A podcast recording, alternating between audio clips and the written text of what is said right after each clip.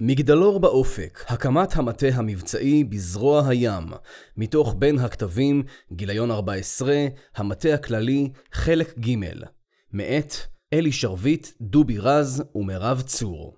Every successful and coherent transformation of an organization begins with a clearly articulated statement about what it wants and needs to become. General Gordon R. Sullivan אירוע משברי בסביבת אי-ודאות, תחילת ההבנה שצריך מגדלור.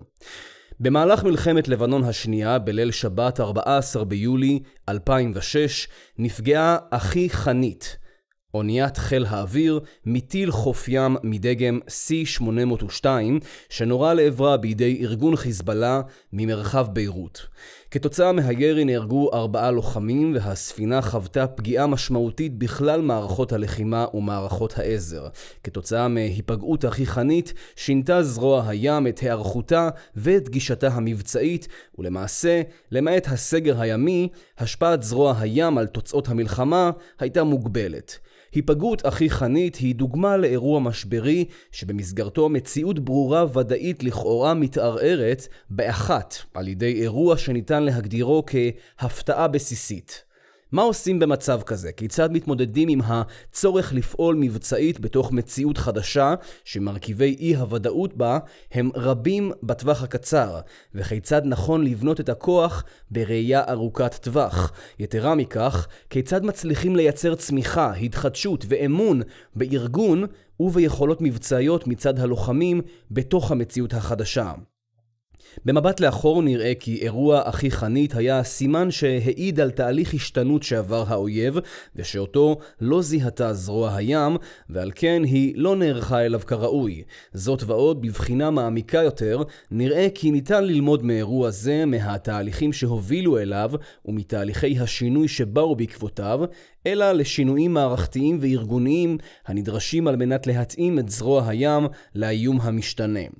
אם בוחנים זאת בשילוב עם תהליכים נוספים שהתרחשו בעשר השנים האחרונות, ניתן להצביע על תהליך שינוי עמוק יותר, בהרבה, בחשיבותה ובמשמעותה של זירת המבצעים הימית, ובתוך כך של זרוע הים כמובן, לעוצמתה של מדינת ישראל, לכוח של צה"ל ולשיפור יכולתו להילחם באויב ולהכריעו. כעשור לאחר אירוע אחי חנית, נמצאת זרוע הים בתהליך השתנות ארגונית ותפיסתית מהמשמעותיים שעברה מאז מלחמת יום הכיפורים. תהליך השינוי שעבר האויב, כפי שיתואר להלן, ומגמות משפיעות נוספות בזירת המבצעים הימית, נותחו באופן מעמיק והלקחים שהופקו הובילו לתהליכי התעצמות ולשינויים ארגוניים חסרי תקדים בזרוע.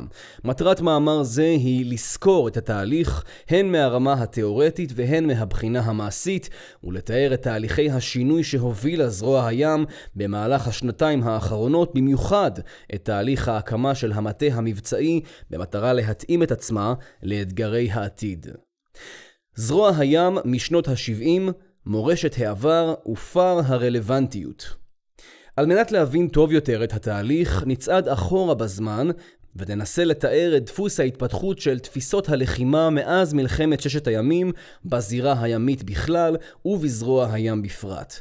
עד מלחמת ששת הימים, תפיסת הלחימה באשר לקרב ימי הייתה כי על מנת לעמוד במשימות הזרוע ולהכריע את הקרב הימי, נדרשים כלי שיט גדולים, משחטות, המצוידים במערכות נשק המתבססות על תותחים בכתרים שונים.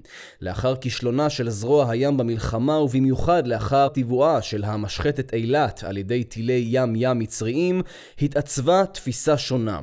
תפיסת לחימת הסטילים, או לחימת ים-ים, אשר היא הגיע לכדי בשלות ולמבחן מבצעי במלחמת יום הכיפורים. ההצלחה הכבירה של הזרוע ביום כיפור הובילה לכך שלאחר 1973, לוחמת ים-ים של הסטילים הפכה להיות הפרדיגמה השלטת. בהתאם לכך פותחה תורת הלחימה והופנו מרבית המשאבים בתהליכי בניין הכוח של הזרוע במשך כ-35 שנה. אם נשלב את העובדה כי תרחיש הייחוס העיקרי של צה"ל היה לחימה בצבאות סדירים במיוחד בצבא הסורי, הרי שלא היה צורך בפיתוח תפיסות לחימה, יכולות או פרדיגמות נוספות. מניתוח מורשת העבר של זרוע הים, ניתן לראות באופן מעמיק יותר את אופן התפתחותה והפעלתה של הזרוע בשלושים השנים האחרונות. מלחמת יום הכיפורים הייתה המחולל העיקרי, וקרב לטקיה ושאר קרבות הסטילים בזירות שונות נתפסו כאבן יסוד לאופן היערכותה של זרוע הים במהלך השנים הבאות. לאור זאת נקבע כי המטרה העיקרית של זרוע הים בלחימה הינה השמדת צי האויב על האפס, אפס נפגעים לכוחותינו, וזאת על ידי לחימת ים-ים, כלומר על ידי כלי שיט הנלחמים בכלי שיט ומטביעים אותם. תורת הלחימה הגדירה כי הדרך להשיג זאת באופן אופטימלי היא על ידי תפיסת הקרב המשולב, צורת לחימה המשלבת את המרכיבים השונים של זרוע הים, סטילים, צוללות וכלי קומנדו, תחת פיקוד אחוד ומטרה אחת, אשר הקרב הימי הוא שיאה. המטרה בלחימה היא השמדה של צי האויב בים הפתוח, במבואות הנמלים ובתוכם, על מנת שהוא לא יוכל להיות גורם משפיע בלחימה, ועל ידי כך להשיג את העליונות הימית בזירת המבצעים הימית. היכולת המרכזית של זרוע הים ממלחמת יום הכיפורים ועד עתה הייתה הלחימה בצי אויב ובהתאם לכך התמקדה הזרוע בתפיסת לחימה זו בצירי בניין והפעלת הכוח כתפיסה יחידה. ניתן לראות גם כי ממלחמת יום הכיפורים ועד ימינו לא נבחנה זרוע הים הלכה למעשה אל מול איום הייחוס המרכזי כפי שזה נתפס על ידה, כלומר בלחימת ים ים. מלחמת שלג ומבצעי שנות התשעים שכוונו כנגד ארגוני מיליוני המחבלים בלבנון אשר לא החזיקו בצי סדיר, לא הביאו לידי ביטוי את התוכניות הללו. שאר המאמצים של זרוע הים בלחימה לאורך שנים אלו עסקו בעיקר בסגירת גבולותיה הימיים של מדינת ישראל מפני חדירות מהים ובהפגנת כוח מול מדינת לבנון, בין אם על ידי הטלת סגר ימי על נמלי המדינה ובין אם על ידי ביצוע הפגזה של החוף על ידי ספינות שייטת 3. לסיכום חלק זה ניתן לראות כי איום הייחוס החיפוש לאורך השנים מאז שנות ה-70 ועד סוף העשור הראשון של שנות ה-2000 היו הציים הסדירים של מדינות ערב, בעיקר סוריה אך גם מצרים. על כן, נבנתה זרוע הים לאור מטרתה העיקרית, השגת עליונות ימית על ידי השמדת צי האויב. בכך התמקדו הן התוכניות האופרטיביות והן תהליכי בניין הכוח. השתנות זירת המלחמה והמים הכלכליים כמנוע צמיחה משמעותי. היפגעות אחי חנית והתחקירים שבאו בעקבות האירוע לא היוו כר מספק לצמיחתה של תפיסה חדשה, אך הם היוו זרז, קטליזטור, חלקי לתהליך השתנות ראשוני. אולם תהליך זה עסק בעיקר בלימוד הלקחים הטקטיים והאופרטיביים שהופקו מהאירוע, ובפיתוח של חוסן נפשי ודרכי התמודדות עם אירועים משבריים. במשך מספר שנים נותח אירוע אחי חנית כתקלה יוצאת דופן, סינגולרית, ועל כן עסקה הזרוע בניסיון לפתור את הפערים באמל"ח ובטקטיקה על ידי הסתכלות מצומצמת יחסית. הזרוע לא הפנימה את עומק הפער ואת הצורך בשינוי תפיסתי מערכתי באופן ההתמודדות במלחמה הבאה. כעשור לאחר האירוע ובעקבות תהליכי שינוי נוספים שעברה זירת המבצעים הימית, נוצר בסיס איתן להיווצרותה של פרדיגמה אלטרנטיבית, אשר הובילה בהמשך לתהליך השתנות עמוק ומשמעותי יותר בהרבה. כאמור, במהלך השנים הללו חלו מספר תמורות משמעותיות, הן במציאות המזרח תיכונית, והן במקומה של זרוע הים כאחראית על הגנת אחד המשאבים יקרי הערך ביותר שגילתה מדינת ישראל, מאגרי הגז הטבעי הנמצאים במרחב המים הכלכליים. ממשלת ישראל הטילה על צה"ל ובתוך כך על זרוע הים את האחריות הבלעדית להגנה על מרחב המים הכלכליים ועל האתרים האסטרטגיים שבתוכם מפני כלל האיומים העשויים לפגוע במערך הפקת הגז הטבעי של מדינת ישראל. להחלטה זו הייתה משמעות רבה, הרבה מעבר להשפעה כזו או אחרת על גודל הצי.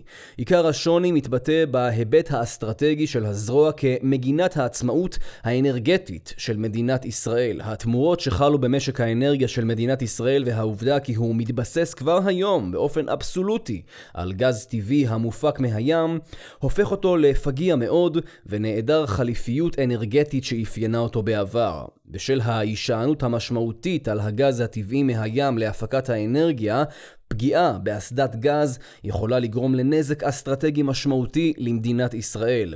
עובדה זו הביאה לכך שעל זרוע הים הוטלו תחומי אחריות חדשים ומשמעותיים לאין שיעור מאלה שהיו לה בעבר, אשר ניתן לומר כי אחריותה עליהם היא למעשה בלעדית. בצד זאת, גם חיזבאללה זיהה את הפוטנציאל הטמון במרחב הימי, ועל כן הוא פעל כדי לבנות מערך טילים התקפי ומשמעותי, אשר ניתן להגדירו כמערך התקפי אסטרטגי לכל דבר. ביטוי לכך ניתן לראות בדברי מזכ"ל חיזבאללה על משוואת הגז ועל סגר ימי שיטיל הארגון בבוא היום על מדינת ישראל. מכאן שאיום על פגיעה בתנועת הסוחר המגובה ביכולת מבצעית אמיתית צפוי להעלות באופן באופן דרמטי את פרמיות הביטוח שמשלמות אוניות סוחר המגיעות לישראל, ובעקבות כך הן תימננה מהגעה לנמלי הארץ.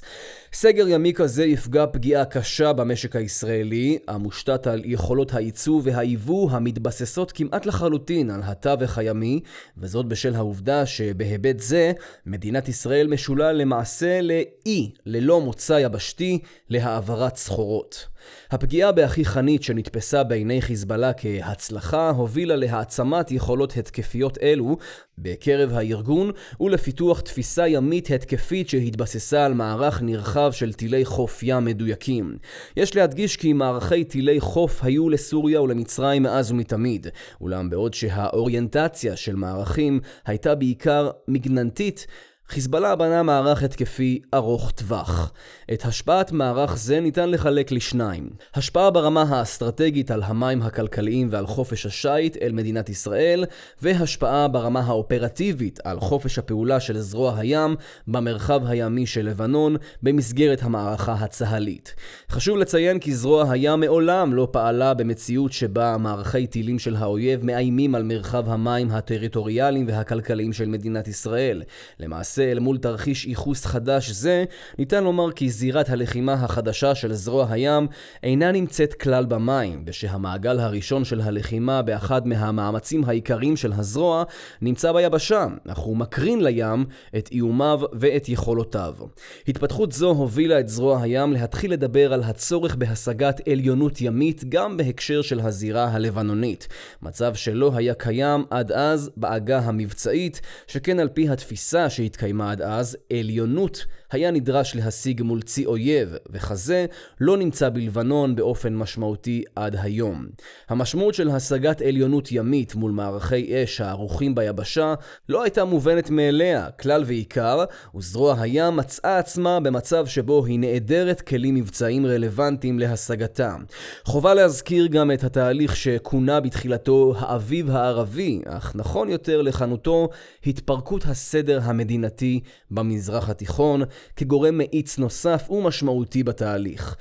התהליך שהחל ב-2011 ושבו התפרקו חלק מהמדינות, במיוחד הלחימה במדינת איום הייחוס המרכזית דאז סוריה, הוביל לכך שנראה היה כי התוכניות האופרטיביות המרכזיות שלנו אינן רלוונטיות יותר ועל כן צריך לתכנן משהו חדש.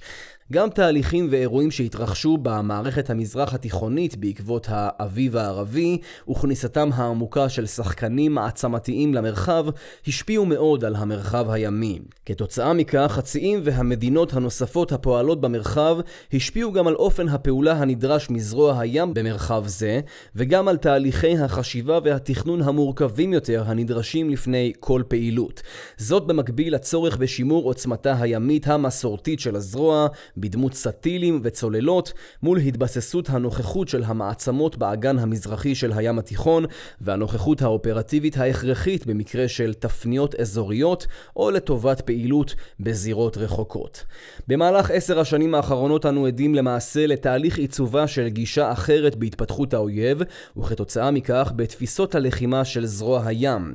האויב הימי המסורתי נעלם מהמרחב הימי ונדד ליבשה ושם הוא הקים יכולות תוכניות מתקדמות ותורות לחימה המעקרות את היתרונות המסורתיים של זרוע הים בלחימה. יש מי שהגדיר זאת כך: חיזבאללה בנה למעשה את הסטיל הכי טוב בעולם, יש לו הרבה טילים והוא אינו יכול לטבוע.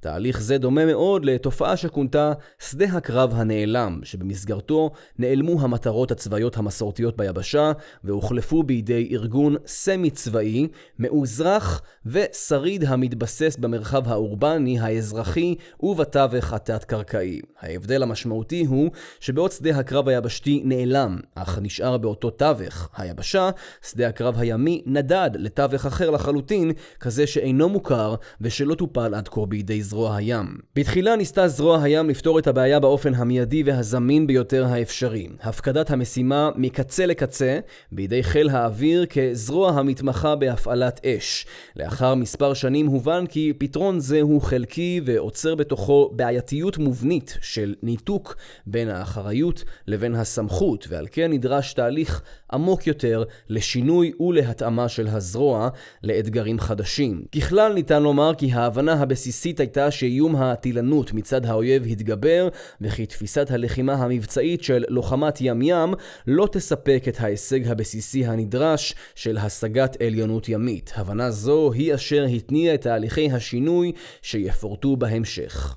ניצנים של שינוי, הגדרה מחודשת של העליונות הימית ותפיסת דף כחול. כאמור, המונח עליונות ימית אינו חדש בזרוע הים, ברם בעבר, מונח זה התייחס בעיקר לצורך בהשגת עליונות אל מול ציי אויב, תרחיש הייחוס של הזרוע במהלך 30 השנים האחרונות. התוכניות המבצעיות המרכזיות מאז מלחמת יום הכיפורים היו בעיקרן תוכניות התקפיות כנגד ציי אויב, ובמיוחד כנגד הצי הסורי כתרחיש ייחוס ייחוס מרכזי.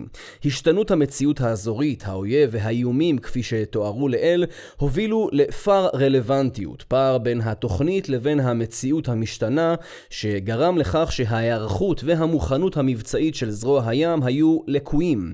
פער זה הוא אשר הוביל לתהליכי השינוי הפרדיגמטי והארגוני שאותו התניע הזרוע בשנים האחרונות. לפני כשלוש שנים החל בציר בניין הכוח תהליך גיבושה של תפיסה להשגת עליונות ימית, בהקשרה החדש כמובן, המגדירה את תרחיש הייחוס כהתמודדות מול מערך טילים יבשתי, התקפי ואסטרטגי.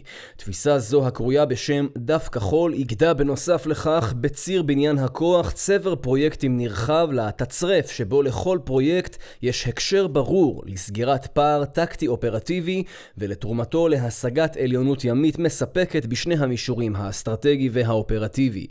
בפשטות ניתן לומר כי התוצרים ממסמך זה נועדו להקנות לזרוע הים את היכולת המבצעית לטפל במערכי טילי החוף של האויב בכלל ההיבטים הנדרשים, איסוף מודיעין ואש. זאת בצד חיזוק יכולות ההטעיה וההגנה של כלי חיל הים. חשוב לציין כי חלק ניכר מיכולות אלו, במיוחד יכולות האיסוף והתקיפה כנגד מטרות ביבשה, לא היו קיימות בעבר בזרוע הים כלל, וחלקן, כגון יכולות הגנה, הגדיר את הצורך בשדרוג יכולות קיימות ואת התאמתן לתרחיש הייחוס ולאיומים הנוכחים. תפיסת דף כחול היוותה למעשה את יריית הפתיחה לתהליך ההשתנות הארגונית של זרוע הים. עם חתימת התפיסה והיציאה לדרך של מספר פרויקטים משמעותיים העומדים בבסיסה של תפיסה זו, החלו מספר תהליכים נוספים, הפעם בציר הפעלת הכוח. בראש ובראשונה נראה היה כי תפיסת הפיקוד והשליטה שטעמה את הטול הישן ואת מתווה ההפעלה המבצעי של זרוע הים בחירום, אינה מתאימה עוד, ועל כן התבצע תהליך מחשב בפורום המבצעי של הזרוע, שבמסגרתו נידונה הסוגיה. התפיסה הקודמת שהגדירה את מפקד שייטת את הסטילים כגורם הפיקוד העיקרי בים, הפוקד על הכוחות השונים והמסנכרן את הלחימה בין כלל הכוחות הימיים, התאימה לתפיסת הקרב המשולב שאפיין את הקרב הימי הקלאסי כנגד צי האויב. נראה היה כי תפיסה זו אינה מתאימה ואינה תומכת את החלוקה לכוחות משנה, שכל אחד מהם אחראי על משימה אחרת ושהקשר ביניהם איננו מחייב תיאום הדוק כבעבר. על כן הוגדר כי ציר השליטה על המשימות יכול להתבצע מתבצע באופן ישיר בין מפקדי כוחות המשנה לבין מפקדת זרוע הים ולא בהכרח בתיווך של מפקד השייטת. יחד עם זאת נשמרה בחירות מפקד שייטת 3 כמפקד הבכיר בים. בנוסף לכך ולאור העלייה בחשיבות מאמץ ההגנה הרב-ממדי, על-מימי ותת-מימי בגבולות, הוטלה על מפקדי הזירות, חיפה ואשדוד, אחריות נרחבת יותר לביצוע משימותיהם בחירום במיוחד במאמץ ההגנה. יש לציין כי בעבר הרחבת האחריות על מאמץ ההגנה לזירות נבעה בין היתר גם מחולשת המטה המבצעי על יכולות התכנון והשליטה המוגבלות שלו. לבסוף הוגדר באופן רשמי כי האחראי על השגת העליונות הימית הוא המטה המבצעי שכן הוא בעל היתרון היחסי לעקוב, לבקר ולהשפיע על תוכניות התקיפה באש של מערכי הטילים של האויב, כפי שתוכננו והובלו על ידי חיל האוויר. הגדרה זו הייתה תקדימית בשל העובדה שגוף מטה הוגדר כאחראי על השגת הישג מבצעי עיקרי של הזרוע, ויתרה מכך, הוא צריך לעשות כן מהמפקדה, זאת בניגוד לתפיסת הפוש המסורתית שקבעה כי המוביל המבצעי לעולם יהיה מפקד כוח ימי בשטח. זרוע הים החלה גם בתהליך של בניין כוח ובגיבוש תפיסה להפעלת אש מהים. במהלך 20 השנים האחרונות ניסתה זרוע הים מספר פעמים להציג למטכ"ל את הצורך בפיתוח של יכולות הפעלת אש מהים. ברם, בעוד שבעבר הצורך המבצעי הוגדר בהקשרים של סיוע למאמץ האש הצה"לי, החידוש היה שלראשונה הוגדר הצורך כצורך זרועי פנימי, שנועד לשרת בראש ובראשונה את השגת העליונות הימית. למעשה, נועדה האש מהים לאפשר את השגת העליונות הימית באופן עצמאי ואינטגרלי יותר מאשר בעבר, וזאת בצד ההבנה כי היא נדרשת להיות מסונכרנת ומתואמת עם הפעלת האש האווירית, שתמשיך לשרת את צורכי המשימה על בסיס יתרונותיה היחסיים. לבסוף, התפיסה ויכולות האש מהים אופיינו כך שיתמכו את הדירקטיבה שהכתיב הרמטכ"ל באסטרטגיית צה"ל, הדורשת מצה"ל את היכולת לראות אש מערכתית אפקטיבית, אווירית, יבשתית וימית, בכל זירת המלחמה. בכך תוכל זרוע הים להשתלב גם כגורם המשתתף והמסייע במאמץ האש המטכ"לי. בנוסף, יש לציין כי בשל תהליכים נוספים עלו חשיבות והיקף התכנון המבצעי האופרטיבי בזרוע הים. עלייה זו נבעה משינויים ארגוניים שונים בצה"ל ומהעלייה בחשיבותה של זרוע הים בתפיסת השילוביות הבין-זרועית שהתגברה באופן משמעותי בשנים האחרונות. תהליך זה השפיע גם הוא באופן מהותי על תחומי העיסוק החדשים שאליהם נכנסה הזרוע והוביל לעלייה משמעותית בהיקף תהליכי התכנון האופרטיביים השונים שנדרשו מזרוע הים. תהליכים משמעותיים אלו הובילו את קברניטי הזרוע להבנה כי נדרש נדרש לבחון את ההיערכות הארגונית של מטה זרוע הים, ובמיוחד את המטה המבצעי הכולל את גופי התכנון, השליטה והמודיעין.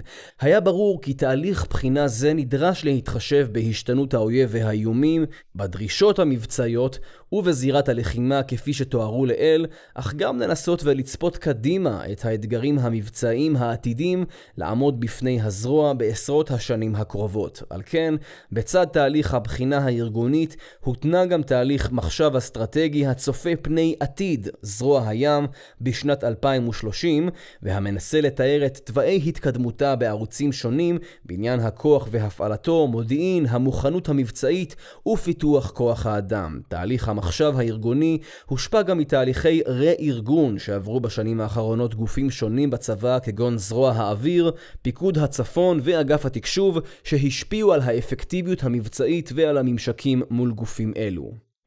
איך בונים מגדלור? ההבנה כי מבנה המטה המבצעי הכולל את גופי התכנון, השליטה והמודיעין אינו תומך באופן מספק את הצרכים המבצעיים הנוכחיים והעתידיים של הזרוע, הובילה אותה לפתוח בתהליך אסטרטגי רחב היקף. מטרת התהליך הייתה לעצב מחדש את ההיערכות הארגונית להפעלה מבצעית של זרוע הים במטרה למצות את היכולת המבצעית של הכוח הימי בביצוע משימותיו. מפקד זרוע הים קבע שדחיפות השינוי גבוהה. תאריך יעד לאישור השינוי נקבע לקיץ 2017 ומימושו נקבע לדצמבר 2017. התהליך כלל עבודת מטה רחבה ועמוקה אשר הוצגה על פני אבני דרך סדורות לוועדת היגוי בראשות מפקד זרוע הים ובהשתתפות ראשי המספנים והמחלקות הרלוונטיים לתהליך. היציאה לעבודה תואמה עם אג"ת כחלק מתהליך ההתעצמות של הזרוע. הפרויקט המאתגר מותג בשם מגדלור, בשל היות המגדלור מגדל המפיץ אור לשם סיוע בניווט ובשיט בים, בדומה למטה המבצעי המכווין מהיבשה את הפעילות הימית של הזרוע. המגדלור מסמל גם את יחסי האמון הגבוהים הקיימים בין המטה המבצעי של הזרוע שממנו נשלטות משימותיו לבין הכלים בים הסומכים עליו כי ידע להכווין אותם במקצועיות ובבטחה ליעדם המבצעי. המטה המבצעי נשען על שלוש רגליים, תכנון, מודיעין ושליטה. בהתאם לכך, וכדי לתמוך במורכבות התהליך, רחב ההיקף ובלוח הזמנים המאתגר, נבנו שלושה צוותי עבודה. צוות התכנון והשליטה, צוות המודיעין וצוות עבודת המטה והארגון. ההיערכות הארגונית של רגל התכנון פעלה לפני השינוי הארגוני בחלוקה מתארית על פי שלושה צירים מרכזיים. ציר ראשון, ציר התכנון לשגרה ולמב"ם, המערכה שבין המלחמות. אחריות על כלל התכנון המבצעי השוטף של זרוע הים, ובתוך כך על תהליך המוגים, מבצעים וגיחות, בתוך זרוע הים ומחוצה לה.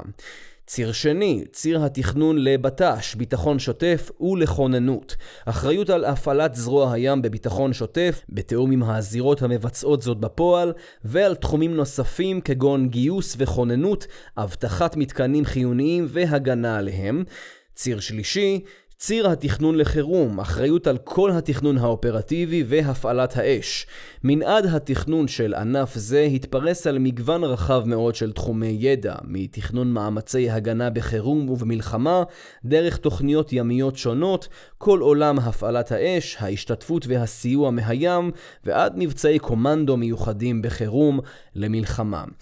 שלוש הצירים אלו נתמכו בהיבט התקשובי על ידי גוף תקשוב ייעודי האחראי על תכנון הקשר למבצעים, לאימונים, לניסויים ולתרגילים ולתחומים משיקים נוספים. חלוקה זו גרמה למספר פערים משמעותיים אשר הלכו וגדלו במהלך השנים האחרונות, לאור עלייה משמעותית בהיקף התכנון האופרטיבי הנדרש מזרוע הים, לצד תובענות משימות הבט"ש והמב"ם, השגרה. הפער המשמעותי הראשון שזוהה היה בהיערכות הלקויה של הזרוע לחירום.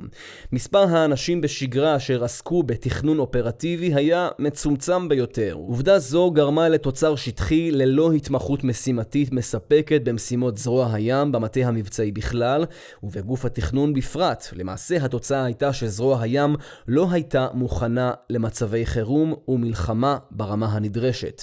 במבט לאחור נראה כי במקום להסתמך על תשתית תכנונית אופרטיבית יציבה, נדרשה הזרוע לאלתר בחלק ניכר מהפעמים שבהן היא צריכה הייתה לפעול, וכי מצב זה נבע בין השאר מהארגון הלקוי של המטה המבצעי. כפי שהבנו בתהליך, היה מדובר בנבחרת מעולה למב"ם, שידעה להריץ מצוין מבצעים בקבועי זמן קצרים מאוד, מחודש לחודש, אבל תכנון מבצעי אופרטיבי אמיתי לא היה קיים, ובכל פעם בחירום נאלצנו לאלתר בזמן אמת. לצד פער זה זוהו פערים נוספים, כגון חוסר במענה תכנוני ושליטתי מותאם למשימת ההשתתפות מהים למאמץ התמרון, חוסר ביכולת עיצוב ותכנון הרמה המערכתית, המקשה על האפשרות להשתלב בשיח המבצעי המטכ"לי, ומענה תקשובי המוגבל לעולמות מסורתיים שאינו נותן מענה למרחבים החדשים כגון הסבר, סייבר, לוחמת הניווט, ניהול הספקטרום והלמד א' ועוד. במקביל לפערים ברגל התכנונית, גם ההיערכות הארגונית של רגל המודיעין לא הותאמה להשתנות המשימות ולאתגרים של הזרוע. הפער המרכזי ברגל המודיעין הוא בחיבור הנדרש בין המודיעין לבין רגל התכנון ולבין רגל השליטה על מנת למצות את תוצר המטה המבצעי. פער נוסף בעולם המודיעין מתייחס להתאמתו לשינויים שחלו באגף המודיעין ובקהיליית המודיעין. נמצא מענה חסר בהתאמת תפיסות המודיעין הצה"ליות כמו תפיסת הלוחמם, לוחמה מבוססת מודיעין ותפיסת השילוביות המודיעינית ופער במענה לשינויים טכנולוגיים בעולם המודיעין, כמו השפעות הסבר, מערכות המידע המודיעיניות, הלומר, לוחמה מבוססת רשת, ומעגלי האש הקצרים. בדומה לשתי הרגליים האחרות, גם ברגל השליטה היה פער בין התאמת ההיערכות הארגונית של יש"י, יחידת השליטה הימית המרכזית של זרוע הים בשגרה ובחירום, לבין השינוי בתפיסת הפוש, במשימות הזרוע וביכולותיה, ולתוספת של הזירה החדשה, זירת המים הכלכליים.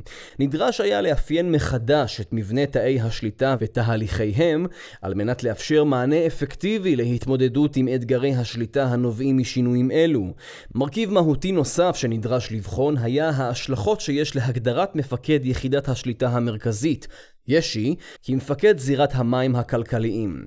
להגדרת תפקיד חדשה זו, יש השלכות מרחיקות לכת על היערכות יחידת השליטה בשגרה ובחירום כזירה חדשה ושלישית ורביעית בזרוע הים האמונה על הגנת הנכסים האסטרטגיים של מדינת ישראל בים. תפיסה ארגונית ויכולות חדשות התפיסה הארגונית והמבנה הארגוני התומך אותה נידונו ארוכות במסגרת מפגשי ועדת ההיגוי. האתגר המרכזי שעמד בפני הוועדה היה לבנות מערכת ארגונית שתצליח להוביל תהליך הפעלה מבצעית אחוד, שבו המאמצים של שלוש הרגליים במטה המבצעי, התכנון, המודיעין והשליטה, משותפים ומתואמים, והתוצר המבצעי יעיל ואפקטיבי. החלטה מהותית בהיבט זה, במסגרת ההיערכות החדשה, הייתה לשנות את הגדרת תפקיד ראש מספן הים ולהגדירו מחדש כראש ראש המטה המבצעי, תפקיד בעל סמכויות על-מספניות בתהליך ההפעלה המבצעית. הגדרה זו נועדה לאפשר הכוונה אחידה ומתואמת של מאמצי שלושת גופי המטה המבצעי בשגרה ובחירום, על מנת לשפר את האפקטיביות המבצעית של זרוע הים. עוד נקבע כי המענה לחירום ישמש כמצפן בעיצוב ההיערכות הארגונית הכוללת של המטה המבצעי. תחת עיקרון זה, מחלקת מבצעים האמונה על התכנון המבצעי עוצבה מחדש במבנה ארגוני משימתי המייצר רצף בין מצבי השגרה, החירום והמלחמה. לשם כך, הוקמו צוותים ימיים משימתיים, צוותי ים, בראשות אנשי התכנון הסדירים כאבן היסוד של עבודת המטה המבצעי בשגרה. כל צוות ים מוביל משימת ליבה מבצעית על מנת לייצר רצף משגרה לחירום המאפשר מיקוד והתמחות משימתית לאורך זמן, שיפור המיומנות ומיצוי משאבי כוח האדם בחירום. מודל ארגוני זה מביא לשינוי דרמטי ברצפת הייצור של המטה המבצעי ובתהליכי העבודה שלו. המודל מאתגר את המבנה ההיררכי ואת תהליכי העבודה המסורתיים של צה"ל ומאפשר תהליכי עבודה ספירליים ואינטגרטיביים בין גופי המטה השונים המייצרים גמישות ומהירות לצד עלייה באיכות התוצרים ובהיקף היקף ההספקים, כל זאת מבלי לוותר על ההכוונה האסטרטגית של המפקדים הבכירים בתהליך.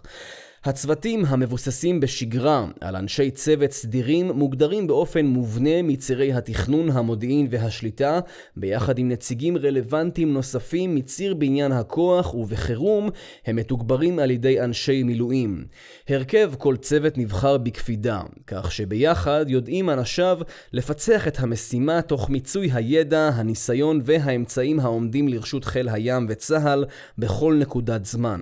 יכולות אלו מאפשרות לצוות גם להצביע על הצורך המבצעי לשם הכוונת בניין הכוח של המשימה בטווח הקצר והארוך. מודל ארגוני זה מוסד לראשונה במסגרת השינוי הארגוני במטה המבצעי של חיל האוויר ומאז יושם גם בפיקוד הצפון ובאגף התקשוב והסבר. בנוסף לכך הסדירה הזרוע גם את רובד תכנון המערכה כחלק אורגני מהיערכות המטה המבצעי. רובד זה מספק מענה להשתלבות הזרוע באופן מובן מובנה בשיח המטכ"לי, ברובד התכנון האסטרטגי וברובד התכנון המערכתי-זירתי. השתלבות נכונה של הזרוע ברובד זה תוכל לאפשר הפעלה טובה יותר של זרוע הים על ידי המטכ"ל ומיצוי נכון יותר של יכולותיה להישגי המערכה.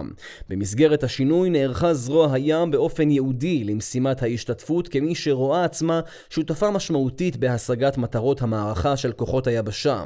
לפיכך, נערכה הזרוע לס... לסייע למפ"ם, לפיקודים המרחביים ולאוגדות באופן מגוון מבחינת יכולות ומתארים בראי יכולותיה בהווה וכמענה לתהליכי בניין כוח להתעצמות ולהרחבת משימות הסיוע בעתיד. משימת הסיוע דורשת מיומנויות ליבה מובחנות הכוללות בין היתר הטמעה של שפת ההשתתפות, תהליכי עבודה משותפים, נוהל קרב ושעון לחימה משותפים. על מנת לייצר זאת, נדרשת היכרות עמוקה בשגרה בין המטה המבצעי של זרוע הים לבין גופי היבשה באשר לצרכים מן הצד האחד וביחס ליכולות ולאמצעים של הזרוע מן הצד השני. בכך ניתן יהיה לבנות נכון את התכנון האופרטיבי ולעבוד בשילוביות אפקטיבית בחירום. ההיערכות הארגונית החדשה עושה תפנית משמעותית במוכנות הזרוע למשימה זו והיא תגדיל את מידת תרומתה להישגי המערכה היבשתית. אחד מהצרכים המרכזיים שעמדו בבסיס התהליך היה הצורך בהקמת מרכז אש זרועי שלראשונה אמור להקנות לזרוע הים את יכולות התכנון והמימוש של משימות אש. מרכז זה אופיין ונבנה בהתאמה למגמות המובילות היום בצה"ל בהקשרי הפעלת האש כפי שפותחו בשנים האחרונות על ידי חיל האוויר והפיקודים המרחביים והוא מתחבר לתפיסת הפעלת האש החדשה בצה"ל.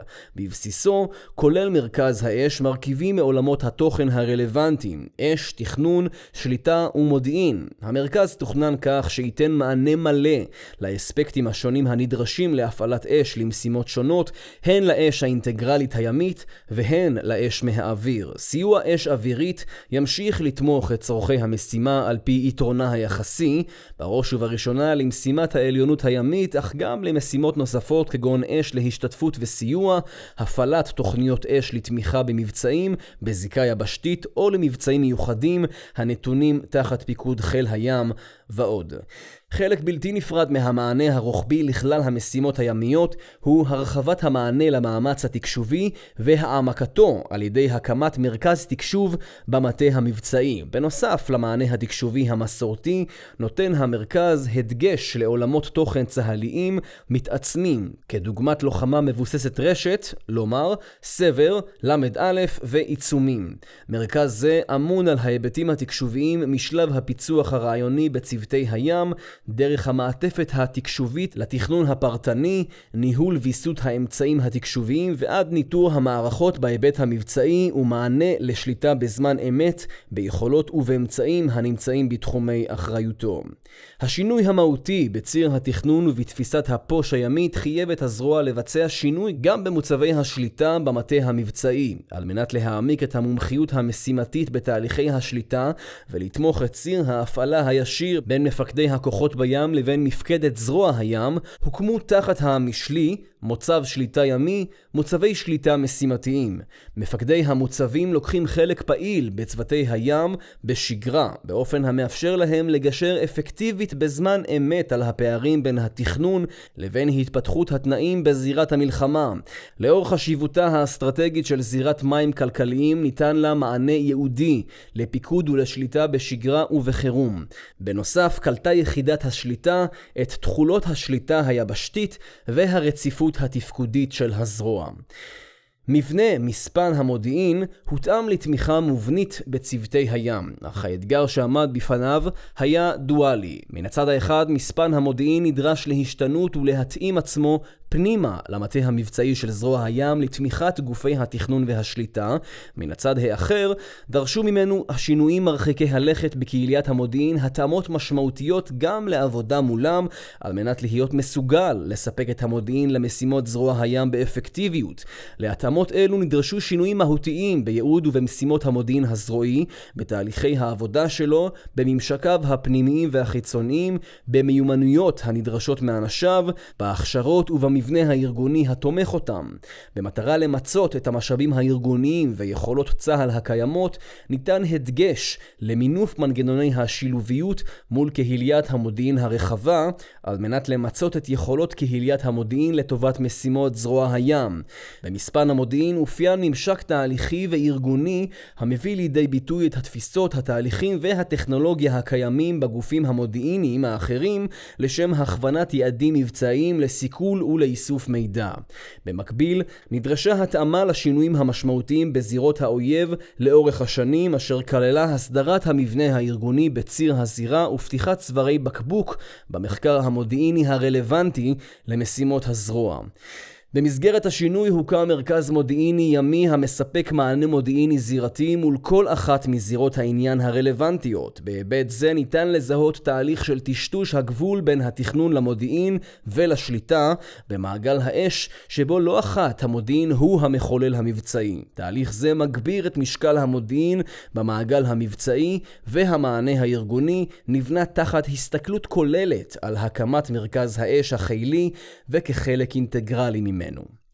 סיכום אם אינך משתנה, אתה עלול להיעלם, קובע ספנסר ג'ונסון בספרו "מי הזיז את הגבינה שלי". שינוי ארגוני ממעלה שנייה הוא מורכב עבור כל ארגון, הן ברובד המשאבים, התהליכים והמנגנונים, והן בהיבט גיוס האנשים, לקחת חלק אקטיבי בהצלחת השינוי.